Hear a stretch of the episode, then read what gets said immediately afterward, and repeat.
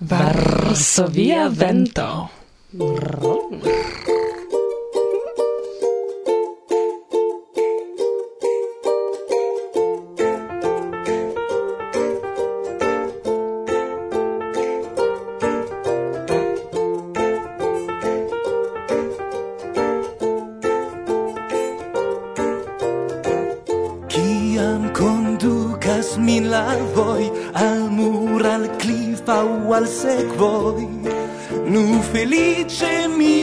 ĝojas Auscultas mi kiel al Mozart La verkon de mia malbonfart. Mia corplo rebelartas Blovas ventoj ĉirkaŭ mi. Staras mi, staras mi sub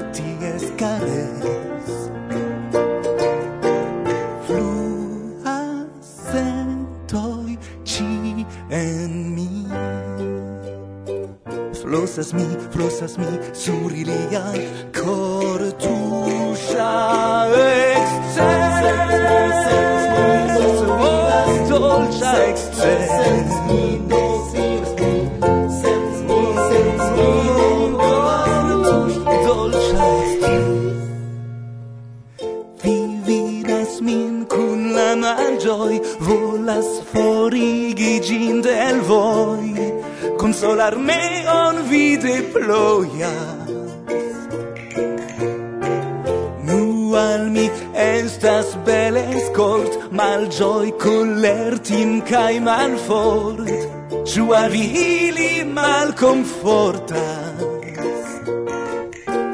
bluvas ventoj ĉirkaŭ ni staru ni staruni ni sub ties kares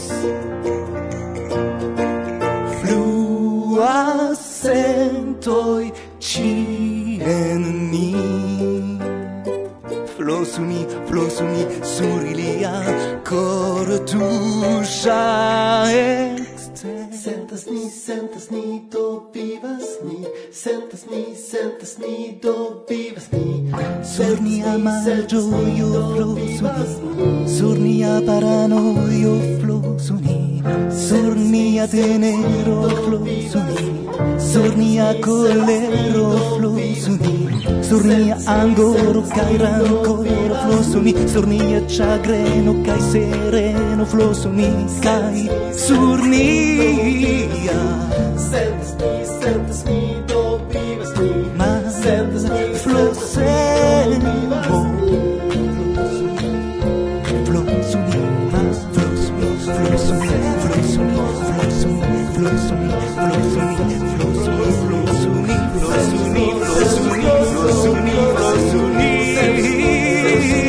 rozblosui.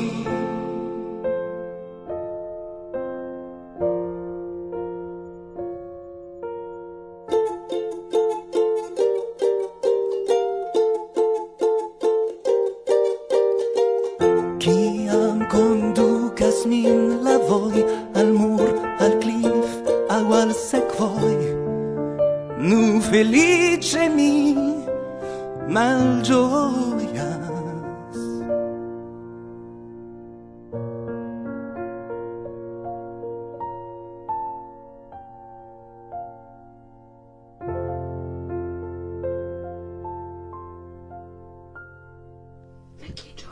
Eh, Laurent kai Tomio de la perdita generazio en eh, tute freshan nova peco klakuligiron por spekti kiel ili triope ci foje presentigas.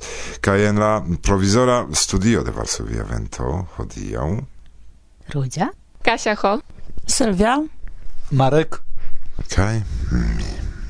Do la cent trideca nelsendo de Varsovia vento ec. Ec, ec, ec, ec, ec, ec.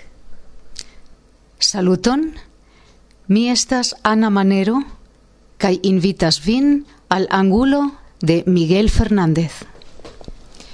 Fabelo por endormigi nepon de rugianigra poeto.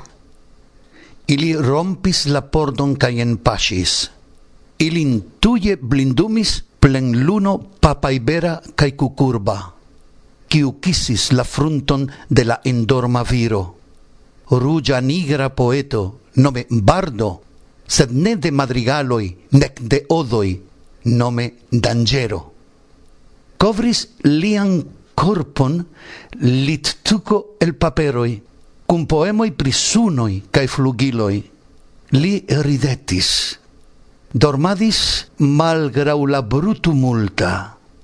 Ili metis la domon sur la capon, plei vane. Ili nenion trovis, malplenigis la shrancoin cae tircestoin, cae transformis la plancon en tombeion de mil mortai folioi de l'autuno. Ili nenion trovis.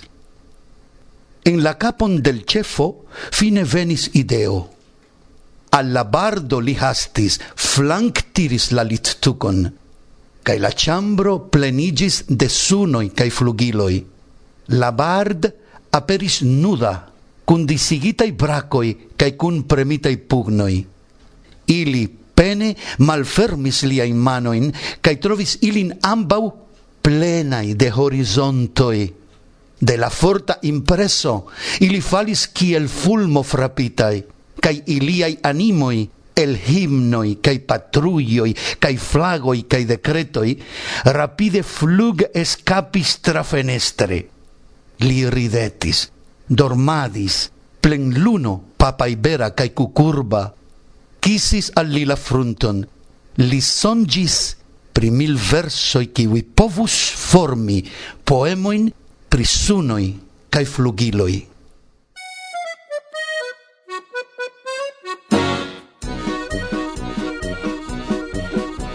Promena si a pugli sur a rempar de Varsovi Promena scia cor con stulturezza in opini Promena scia omur d'un en Florence en Italie Mem stare certe viva sci.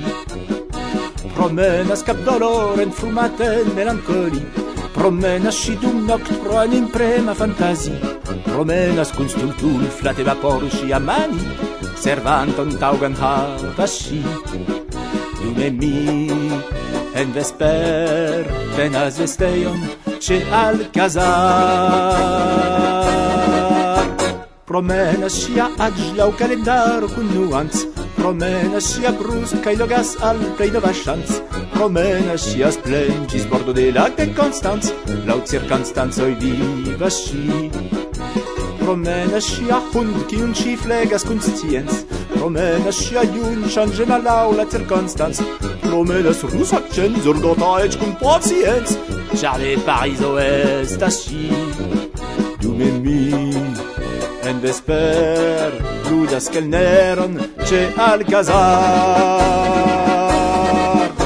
Promenes și ahar vapora kiel la muslina Promenas la ocul a la oldulo i cunzina Promenas si a rid a loga qui el vaselin Nu petore ma est asci Promenas se briets de glas al glas de brandalgin Promenas si en nid del garnison pro corinclin Promenas si cun dir que estas mignonia jacquin Fia mi qui no est asci Memi en vesper Estas cantistino che al casor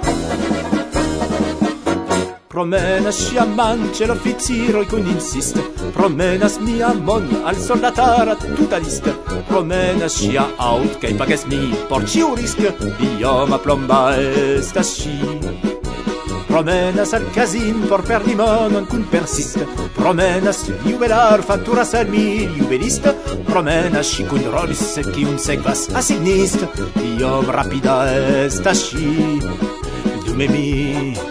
En vesper lavas la glasoin ce alcazar Promena scia pug sur la rempar de Varsovie. Promena scia cor cunt turturezza ed opinii Promena scia omblun en Florenza in Itali Mem stare certe viva sci.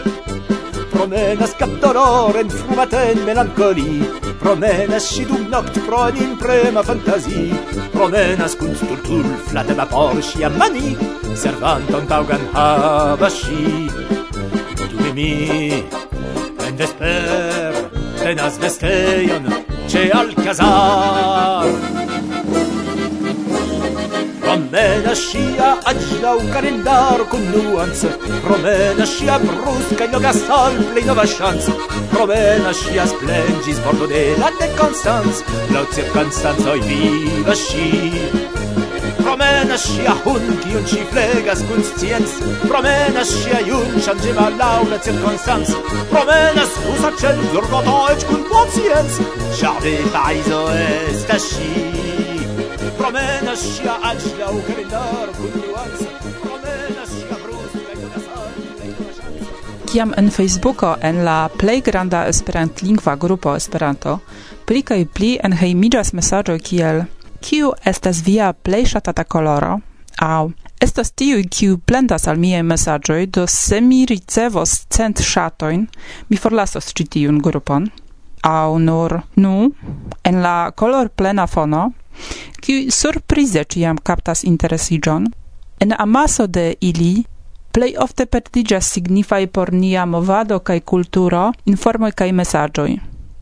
Laste, exemple, hazarde mi rimarkis, char mi rigardis la, la grupon en giusta horo, informoin pri du pri scienco, nome Scivolemo kaj Internacia Scienca Asocio Esperanta.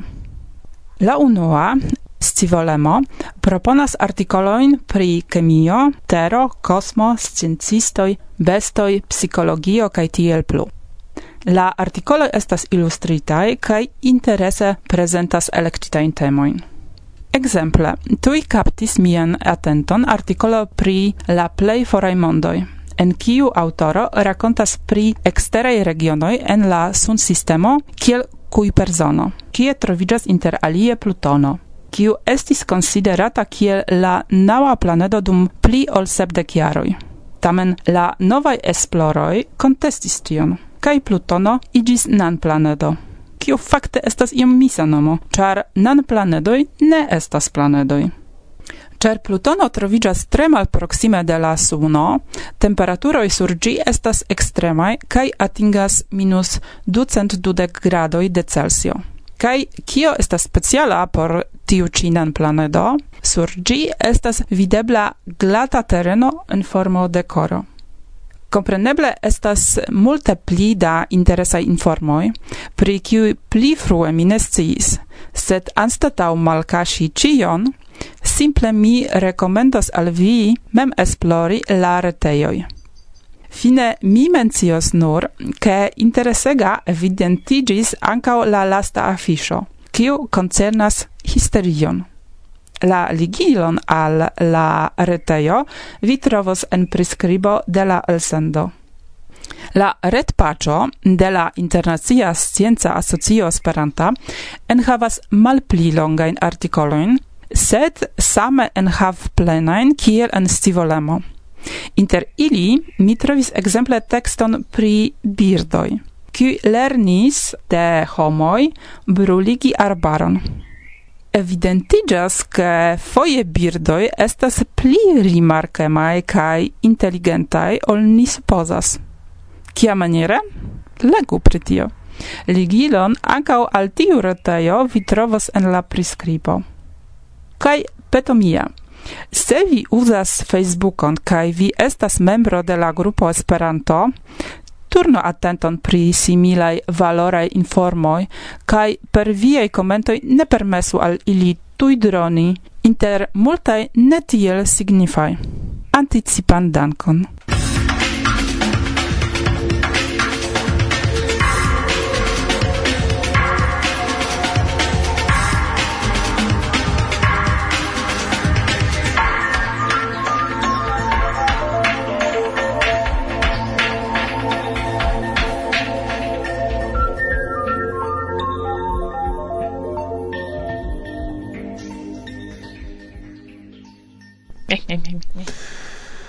Laste okazis iom da eventoj en Pollando.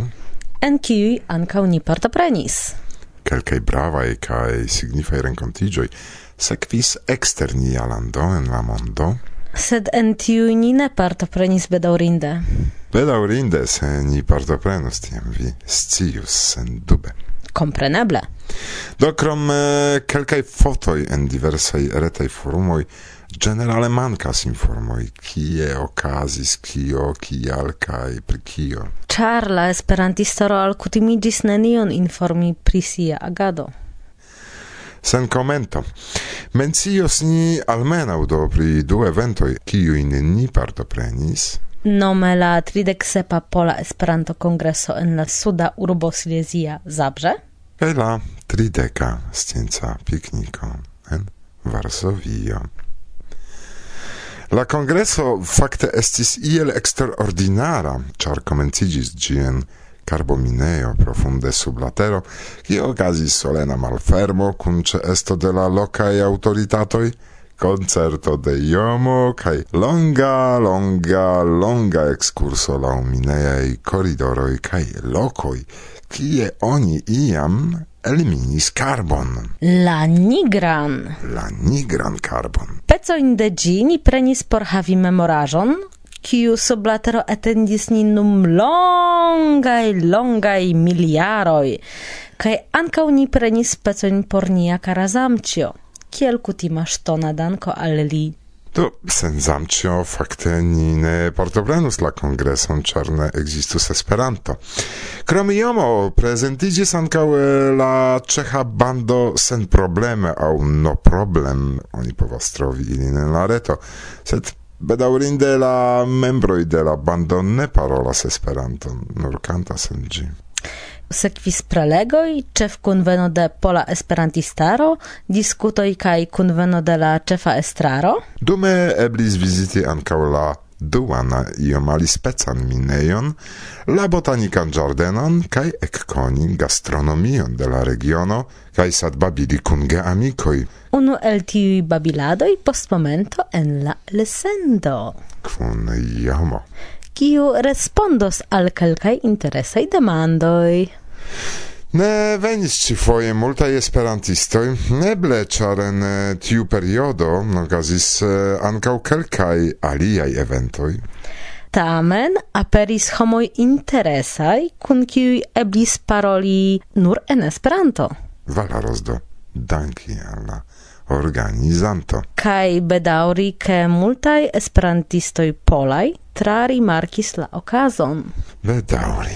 Eh, alia interesa evento iom eh, simila al semeo, pri kiu vi raporton audis antaŭ nelonge, sed tute aliskala kaj nur unutaga, okazis du semajnoj poste en nia urbo aliscala ĉar temis pri la granda vere granda evento por la loĝantaro de Varsovio. Nome la scienza pikniko. Temo de la ĉiara estis movo movado kai ekde antau tagmezo gis vesperoni dejoris en la esperantista stando por informi pri nia kulturo, lingvo kaj movado, kai ankaŭ respondi al multaj interesaj demandoj. E placis al mi tiu dejorado, estis bela vetero kai kiel tiu pikniko aspektas vi povas eksci pro filmo fotoi fotoj, kiujn eh, ni faris kelkaj jaroj antaŭe kaj ripeti ĉiam saman filmeton ne vere valoras, ĉar ĉio ĉiam similas. Nu, homoj kiuj alvenas estas foje aliaj. Tamen pri kio valoras mencii? venis helpi al ni esperantistoj el aliaj urboj. Magda el Krakovo, kiun vi audos poste, Robert el Lodzo kaj Cristoforo el Lublin. Tio estis plezuro, esti kune kun vi kaj popularigi Esperanton fakte. Mankis bedaurinde, pola Esperanto junularo, bedaurinde, ĉar ĉe nia standa aperis multe da gejunuloj dume. Ciare, kio surprizis nin, aperis calcai conatai visagioi de pasinta iaro? Ec, eh, ili speciale facte sercis nin por saluti kai primemori, ha, ni estis eh, pasintjare. Kaj jen. Jen do, tion ni partoprenis, kaj eh, kion ni memoras, iomete o al vi presentis, do eble ancau vi iomete raportu, kio okazis en via ĉirkaŭaĵo. Ču eble io simila?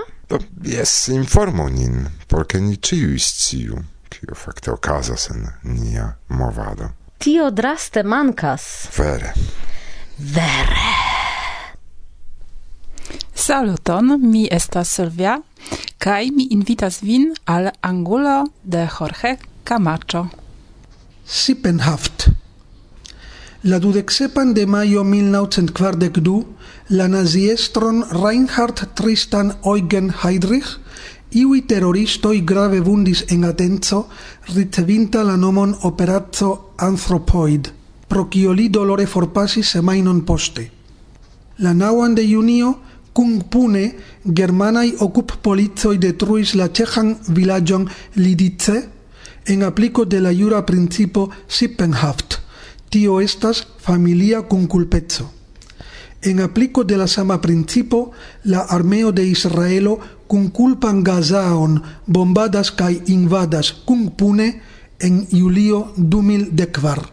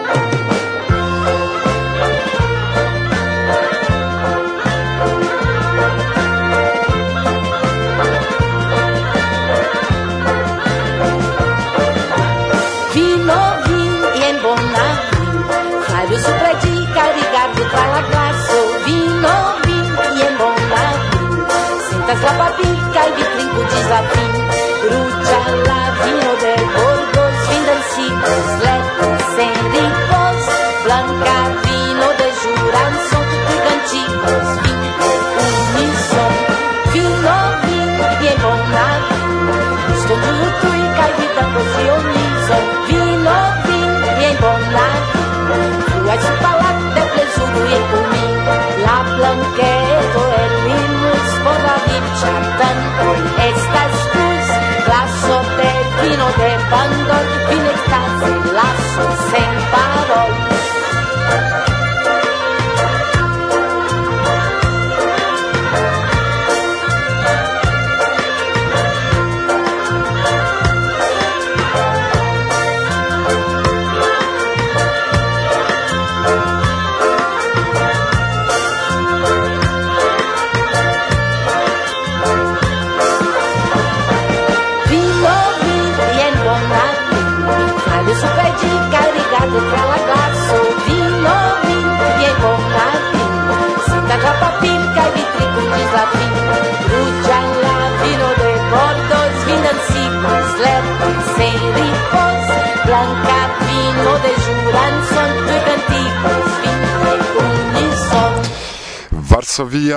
vento kiel ciam en provizoraj cirkonstancoj ekster la hotelo mm, en kiu kune kun la aliaj esperantistoj partoprenantoj de pola Esperanto kongreso ni loĝas kaj antaŭ mikrofono. Estas iomo. Unue mi salutos vin. Do korain saluton de de Bong el Suda Koreio non. Do mi kun tre granda ĝojo akceptas la saluton kaj mi mem eh, salutas eh, vin eh, kaj mi tre ĝojas ke vi interesiĝas pri la temo. Mi promesis al ŝatantoj de via forumo, fanklubo de Jomo, se iu havos demandon por vi demando, homoj klakis ke ŝatas, sed ne donis la demandojn. Tamen aperis nia amikino, kiu komprenis kion mi skribis. Koran dankon vera kaj por la membroj de la forumo fanklubo de Jomo, kial vi ne demandas Jomon pri longeco de ŝtrumpetoj, pri ŝatata koloro, kiun to ĉemizon ĉu okulvitrojn estas nur por dekoraĵo, ĉu ne? Do kiun to ĉemizon vi plej ŝatas? Do mi havas problemon kun la nigraj toĉemizoj. Kial? char oni devas atenti ke ili ne griziĝas. to estas mia problemo. Do mi eh, plej ofte havas blankajn kaj por mi la nigraj estas la plej valoraj. Mi lavas mane kaj sekigas ilin ne en la suno, kompreneble en la domo, ke ili ne, ne griziĝas. Do eh, la unua demando de Vera estas: "Jomo, trankviligu nin, ke vi neniam ĉesos koncertumi en Esperantui. no, bone. Do mi faris la liston de la concertoi, kiun mi faros eh, en Esperanto tiun ĉi jaron kaj oni povas kontroli ke estas sufiĉe multaj kaj poste pri la futuro fakte eh, oni neniam povas diri, sed mi pensas ke mi neniam havos la emon ĉesi. Do almenaŭ tio estas certa, do mi pensas ke mi koncertos ankoraŭ longtempe. Fakte mi ankoraŭ neniam demandis vin pri la comenzo, demandas Vera. Ĉu estis via ideo ludi gitaron aŭ eh, tiu de viaj gepatroj? estis eh, mia propra ideo, char fakte mi ne sekvis kurson, ekzemple, mi ne estis en muziklernejo tute ne, mi lernis eh, en la liceo. En mia liceo mi havis la ŝancon, ke ĉiuj ludis gitaron. prescau, mi diras ciui. Tiu signifas che inter la lezionoi, la homoi en la corridoroi, ili sidis cae ludis gitaron. Do mi sidis apude cae rigardis cion ili faras. Cae post unu momento mi diris, bone, ciu mi povas provi, cae faris la saman, cae tiel uh, lernis. Sed, exemple, mi nesci povas legi la musicon, mi nesci povas legi notoin, por mi estas iumete gena, foi foie, foie. char povas esti tre ege praktike, sed aliflanke mi havas konon kiujn la homoj kiu lernis per eh, klasika metodo, mi diris, ne konas. Do pri la akordoj mi ĉion scias. Exemple al mia edzino kiu studis kaj povas ludi Chopin sur la piano kiu tute mi ne scipovas, se mi diras al ŝi faru go molo, ŝi ne scipovas kaj mi po, mi scipovas. Mi konas unu parton de la muziko nur, sed bone. To Chopin mi ne konis, ĉar mi ne trinkis kun li en trinkejo, sed tute ne gravas.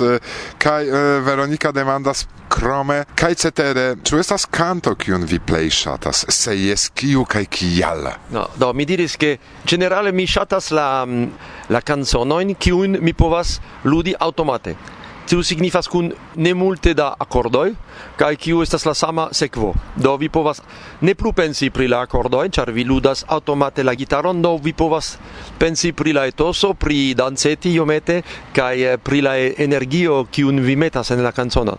Mi ne ŝatas kiam um, kanzono estas komplika kaj vi kantas pensante, oh, kiu estas la venonta akordo. No, no, estas por mi malplaĉa. Mi ŝatas eh, tre simplajn rock and rollajn kanconojn kiun vi povas libere kanti por nur amuzigi.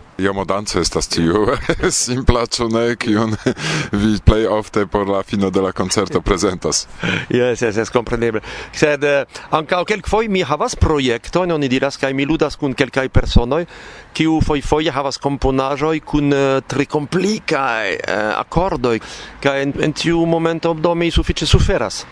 Mi lernas la canzonoi kai mi bezonas eble unu jaron antaŭ eh, ludi kun plezuro la canzonoi. Yeah, yeah por mi unu el la plej ŝatataj kanto estas la cigana kanto. Ah, yeah. Vere mi tre ŝatas yeah. ĝin. Kiun ciganan kantonon, ĉar uh, estas pluraj? Do tion kion mi ĝerem ĝerem. Vagadis min. Ah, vagadis min estas laŭ kelkaj personoj estas la himno de ciganoj.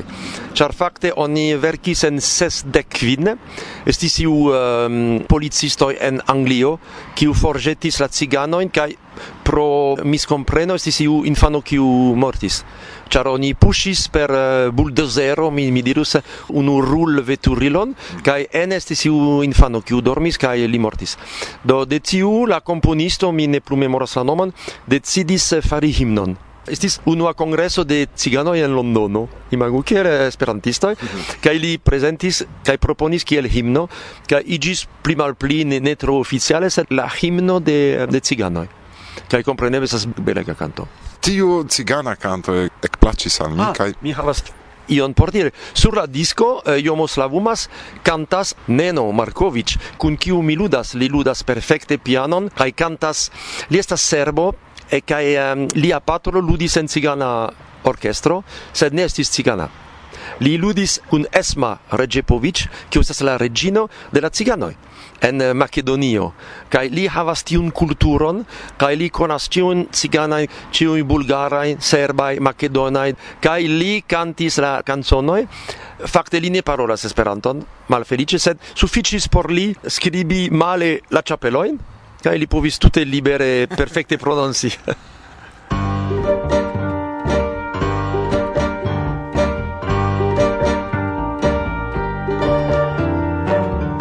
agadis mi la vojo e de la mondo. Renkontis mi cigano el sen maloj Pagadis mi la vojo e de la mondo.